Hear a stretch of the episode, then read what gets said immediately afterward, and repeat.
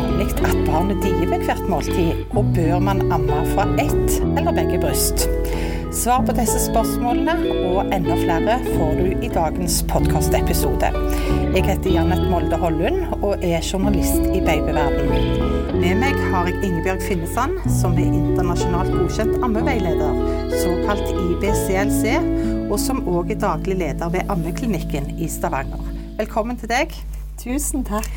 Det hadde vært greit å hatt en fasit på disse sentrale spørsmålene en skal amme, men jeg regner med at det er ikke fullt så lett?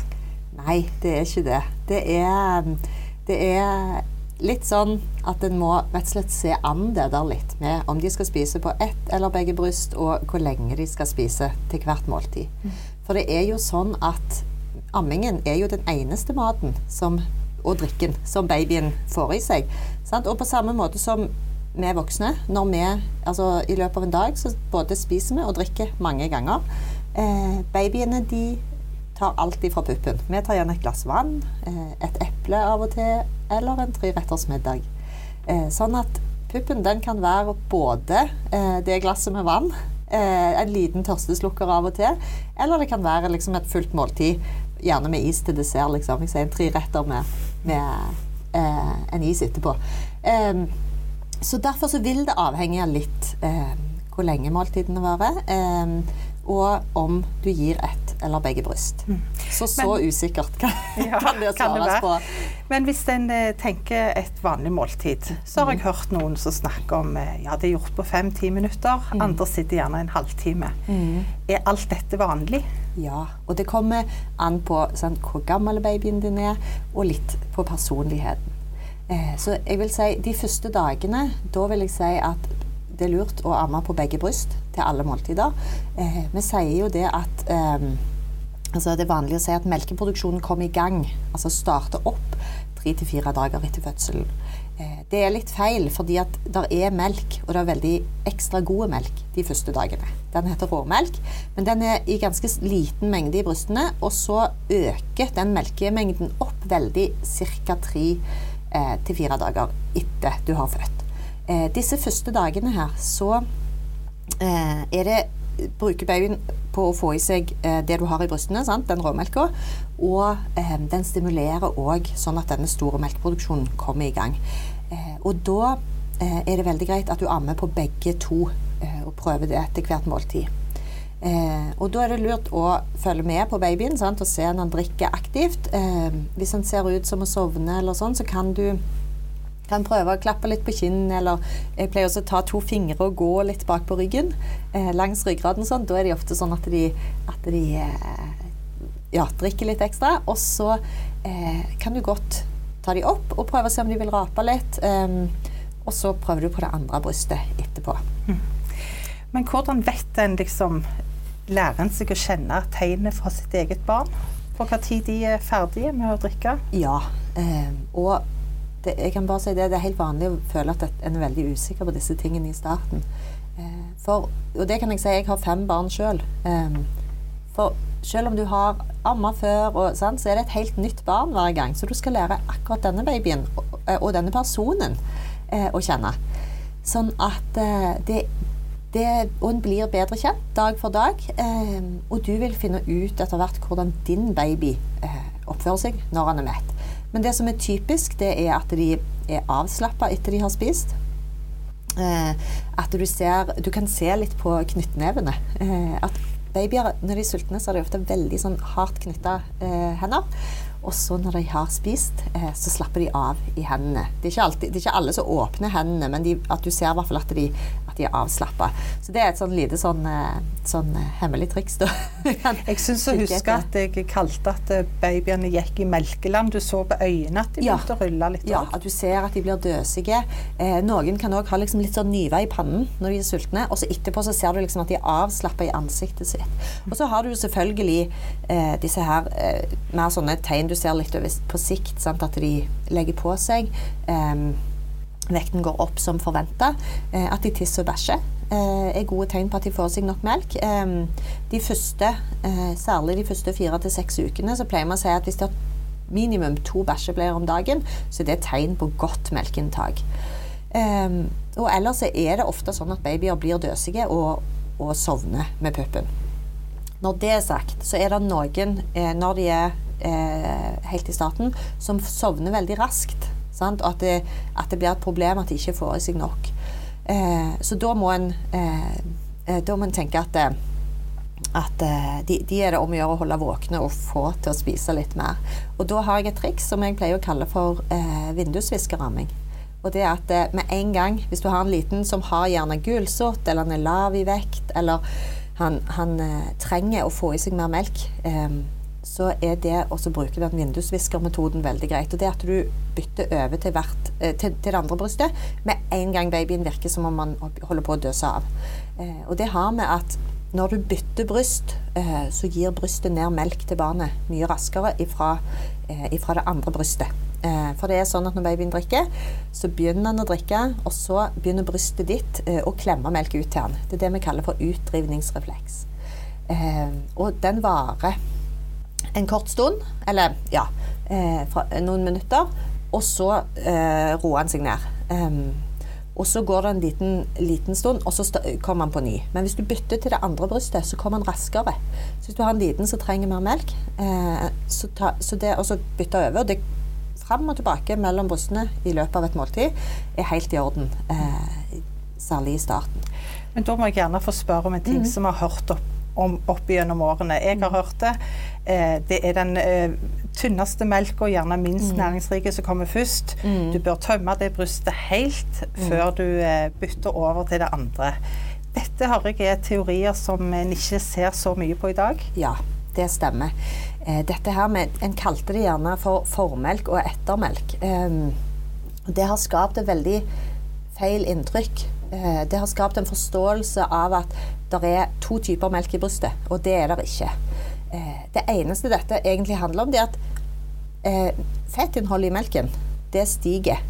Jo mer du tar ut av et bryst, jo høyere fettinnhold vil det ha. Men det er ikke sånn at, at høyest mulig fettinnhold betyr bedre melk.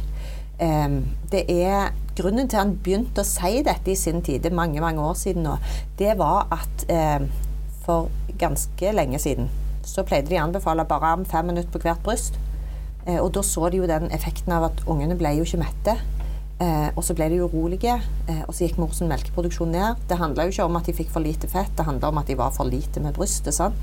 Men da, da, skulle de liksom lage en forklaring, og da forklarte de at um, babyen må ligge lenge med ett bryst før du bytter over. Uh, men så har det på en måte blitt litt sånn altså nå, Jeg har til og med noen som blir så bekymra for at babyen ikke skal få i seg fett, at de lar babyen ligge så lenge på det ene brystet at han sovner helt og ikke sant, han går glipp av noe av måltidet sitt. Og, sånn. eh, så det, det er en trenger ikke å bekymre seg for dette med formelk og ettermelk eller fettinnholdet i melka si. Eh, hvis det er babyer som ikke legger på seg, så har det ingenting med sammensetningen av melk å gjøre. Det har med at eh, mengden er for lav.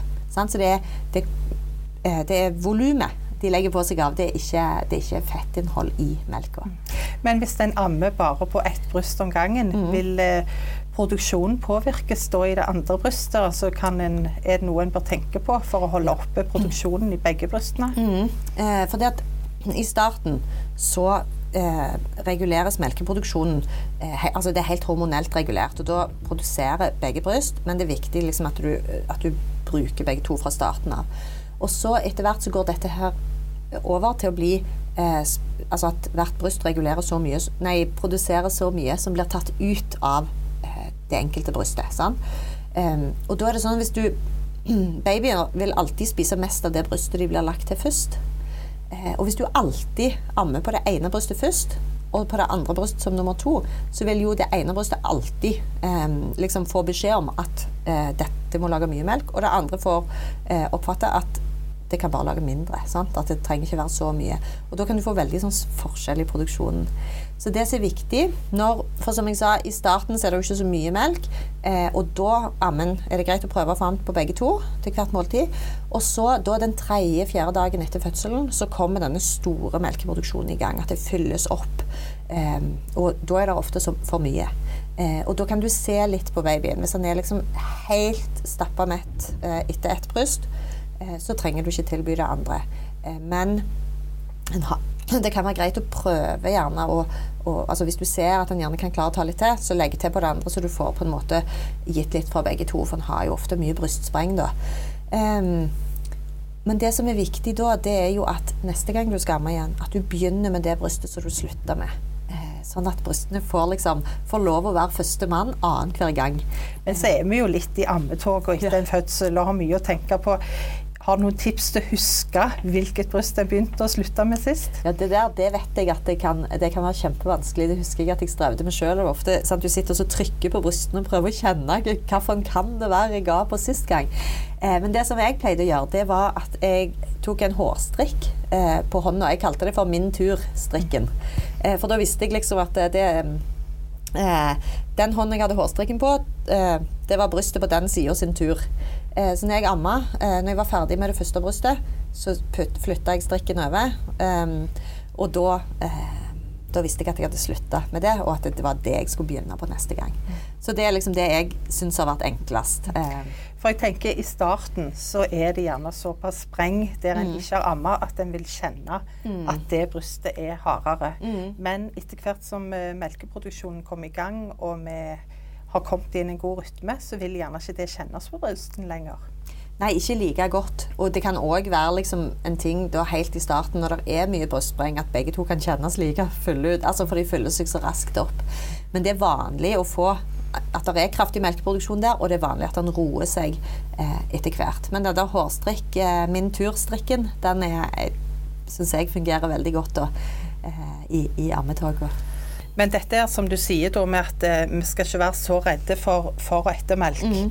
Så er det ikke så farlig om en skulle ta feil et par ganger heller eh, med hva en tok først og sist. Nei, ikke Bare en ikke får helt skeiv produksjon. Ja, ja mm. ikke i det hele tatt. Og hvis du har et bryst så du merker plutselig at lager veldig mye mer melk det, øh, enn det andre, så, det, så, kan du på en måte lure litt at du alltid legger, altså legger til f.eks. en dag så legger du til først på det som produserer minst, fordi at da vil det ofte hente seg opp sant? Og, og øke produksjonen i seg. For, og, og der er jo altså, skulle det være Det er jo mødre som bare ammer fra ett bryst òg. Eh, så det, brystene er liksom lagd til å tilpasse seg veldig godt den situasjonen man, man er i. Så det er, ingen, det er, ingen, fare, men det er veldig greit og praktisk at en produserer passelig i begge, begge to. Når en ser på en baby, da vi snakker om hvor effektivt han spiser, eller sånne mm. ting, hvilke ting er det som virker inn på hvordan eh, barnet spiser? Og det kan være så mye. Det kan være eh, hvor lenge det er siden han spiste sist gang, eh, hvor mye melk som er i brystene, personligheten til babyen.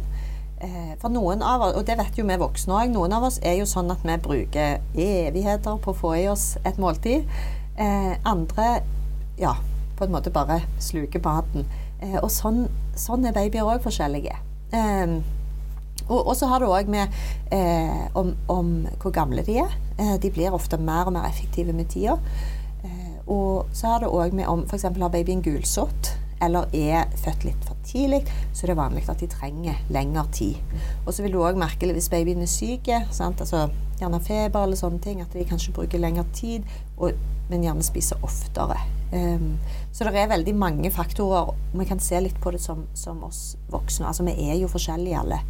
Uh, så, så det, og det er derfor vi sier det, det er så dumt når en liksom tenker på det Det er så mange som sier liksom at de skal spise med tre timer imellom. Uh, for tre timer er ganske mye for en liten baby. Og vi, voksne eller, og eldre unger vi, det er jo ikke sånn, altså Vi har jo som regel faste måltider, men vi drikker jo gjerne et eller annet imellom måltidene. Vi spiser gjerne en frukt eller andre ting. sant? Og, og når vi husker på det at for babyen så er morsmelken all, eh, både mat og drikke, eh, så er det jo naturlig å tenke at de skal ha påfyll mm. eh, litt oftere. Men bør en vente til barnet sjøl gir signal om at det skal ha mat, eller eh, kan en eh, være litt i forkant og tenke at nå går en litt etter klokka?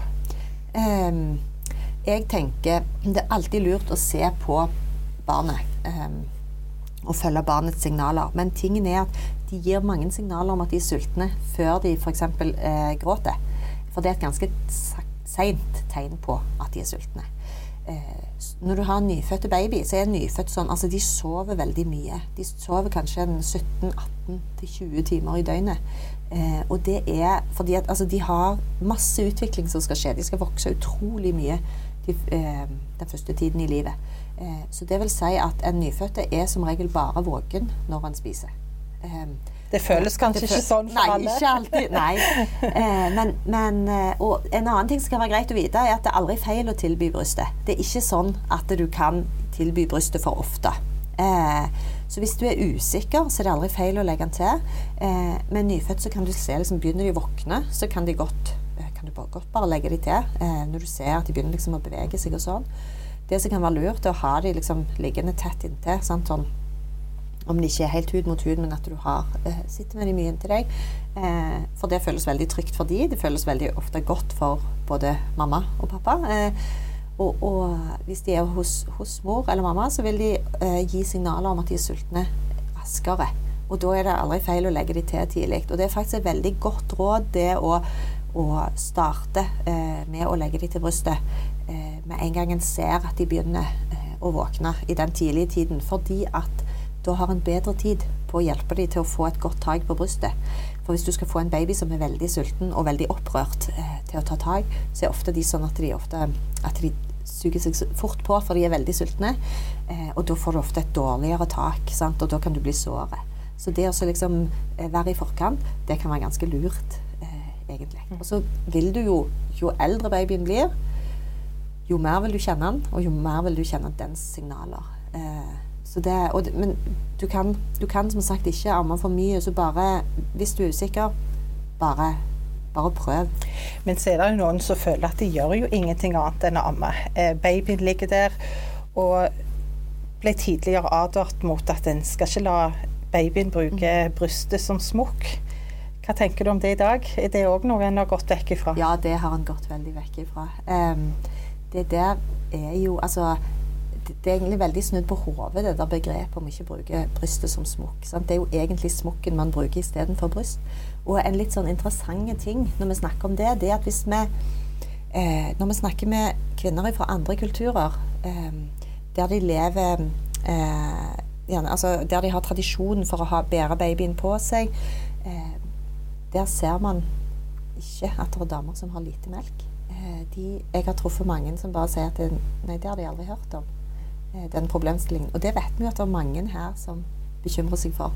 Eh, og det er en av de tingene som dette med med smokken kan gjøre, da, det er at han forstyrrer litt den der Det skal være en sånn tett et tett samarbeid mellom mor sin kropp og babyen sin kropp. Sant? For at mor skal dekke babyen sine behov.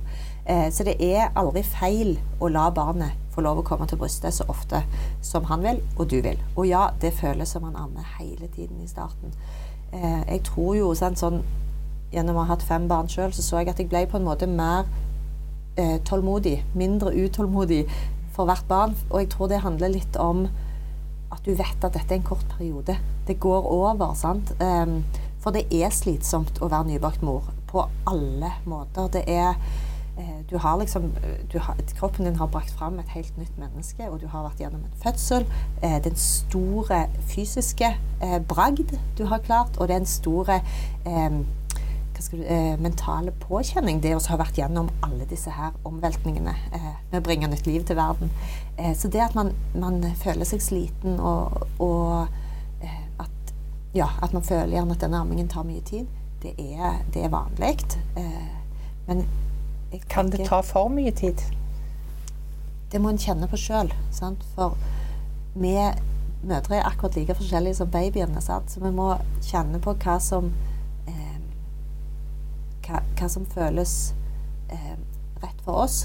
Eh, hvis du kjenner at dette her blir for mye, så, så må en gjerne få noen til å se på det. Men da må du ta kontakt med helsestasjonen eller sånn og sjekke sant? at ting eh, er som forventa i forhold til babyen sin vekt. Og, og søk gjerne hjelp da for, for å få noen til å se på hvordan babyen tar brystet. Og for all del, hvis det er ting som oppleves overveldende, eller at det blir for mye, så, så be, om, be om hjelp. Sant? For, for uh, det er veldig viktig, det, det å få ha støtte rundt seg.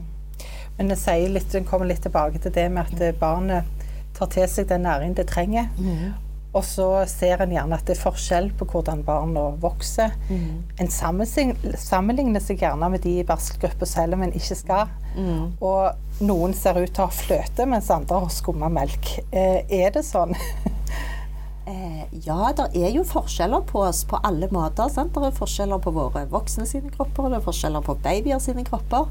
Eh, og så er det jeg må si, av mine, jeg, Min personlige erfaring da, av mine fem barn, så har jeg hatt noen som har vært trillende runde.